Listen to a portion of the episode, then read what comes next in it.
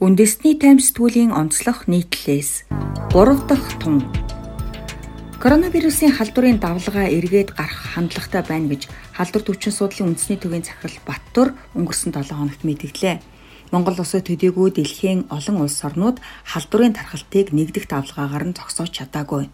Манай улсад халдварын хоёр дахь давлгаа үүсэх магадлал маш өндөр гэдгийг ийхүү мэрэгжлийн хүмүүс хэлсэн бол харин үргэлжлэх хугацаа цар хүрээ нь хэр зэрэг байх вэ гэдг нь одоогор тодорхой бос байна.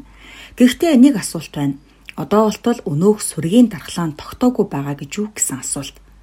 Сүргийн дархлаа тогтох нь зөвхөн вакцины хамрагдсан хүн амын тооноос биш, тухайн вакцины дархлаа тогтоох чадвараас хамаарах судалгаа сайхан гарчээ. Энэхүү судалгаанаас үзвэл манай улсын хувьд Хүн амын хамгийн багадаа 75% нь вакцины 2 дугаар тунд хамрагдсны дараа сүргийн дархлаа бий болж халдвар намжих магадлалтай. Одоогийн байдлаар манай улсын 2 дахь тунгийн хамрагдалт 50 руу төхөж явна. Сүргийн дархлаа тогтсон хэдий ч бид коронавирустай дэлхийд амьдарч вакциныг жилдээ нэг удаа хийх шаардлага тулгарна гэдгийг дэлхийн нийтээрээ мэдэх болсон. Гэтэл вакцины хоёр тун хангалттай дархлаа тогтоож байгаа хэдий ч үйлчлэл нь нэг жил хүрэхгүй гэдг нь тодорхой болж эхэлжээ. Тиймээс коронавирусын халдварын эсрэг вакцины 3 дахь тунг зарим улс орон туршиж байна. Вакцины 3 дахь тунгийн үр дүнг тодорхойлох зорилготой эмнэлэг зүүн анхны туршилтыг Их Британд эхлүүлжээ. Тус улсын эрүүл мэндийн яамны мэдээ хэлснээр 3 дахь тунг хүч нэмэгдүүлэгч тун гэж нэрлэж байгаа юм. Туршилтанд 30-аас дээш насны 2800 хүн сайн дураараа оролцох бөгөөд үүнд 19.3 сая фаунд зарцуулахар төлөвлөсөн. Туршилтын хүрээнд Их Британий эрх баригчдтай гэрээ байгуулсан 7 компани аль нэгнийх нь вакцинаас 3 дахь тунг хийхийг санал болгох юм байна. Учир нь зул сарын баяраар халдварын дараагийн давлгаа үүсэх магадлалтай тул тус улсын эрх баригчид 3 дахь тунг хийлгэхийг уриалж байгаамаа.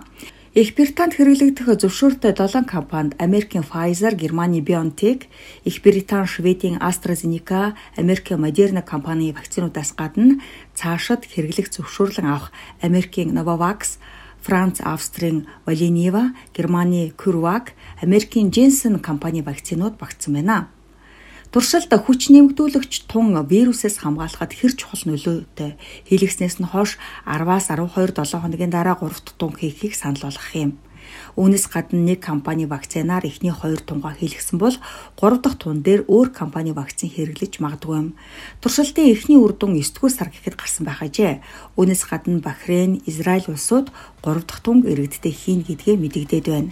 Харин хугацааны хувьд эхний болон хоёр дахь тунг хийлгэснээс хойш 6-аас 9 сарын дараа хэмээн тооцоолж байгаа мэдээлэл байна. Бүгд найрамдах хятад ард улсын Sinopharm вакцины дархлааны үргэлжлэх хугацаа харьцангуй богино буюу 6 сар орчим байж болзошгүй гэж зарим судлаачид үзсэн байна. Хятад ч энэ асуудалд анхаарлаа хандуулж 3 дахь тунг хизээ хүн амдаа хийх вэ гэдэг төлөвлөгөөг боловсруулж эхлээд байгаа тухай мэдээлэл байна. Хятадын вакцины үр дүн өндөр биш учраас 3 дахь тунг тариулахыг албан ёсоор зөвлөж байна гэж дээрх нийтлэлд өгүүлжээ. Манай улсын хувьд ч энэ талаар тагчиг суусангүй. Өнгөрсөн 4-р сарын 30-нд улсын хурлын чуулганы хуралдааны үеэр эрүүл мэндийн сайд их болд вакцины тухай мэдээлэл өгтөө 3 дахь тунгийн талаар дурдсан юм. Тэрээр дэлхийд 100 орчим вакциныг туршиж байна.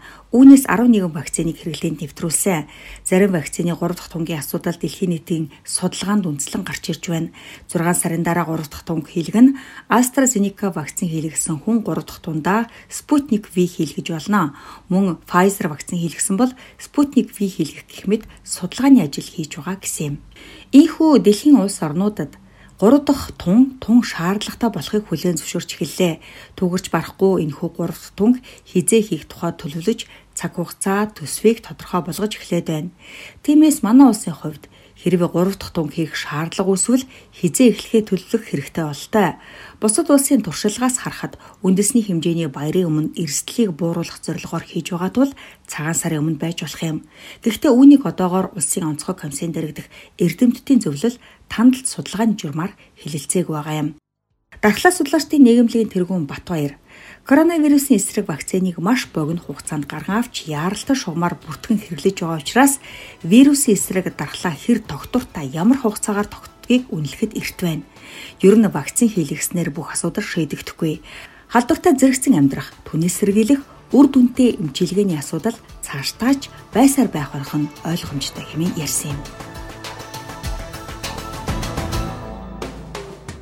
Итгэж болох экссурулж Игэл радио 91.1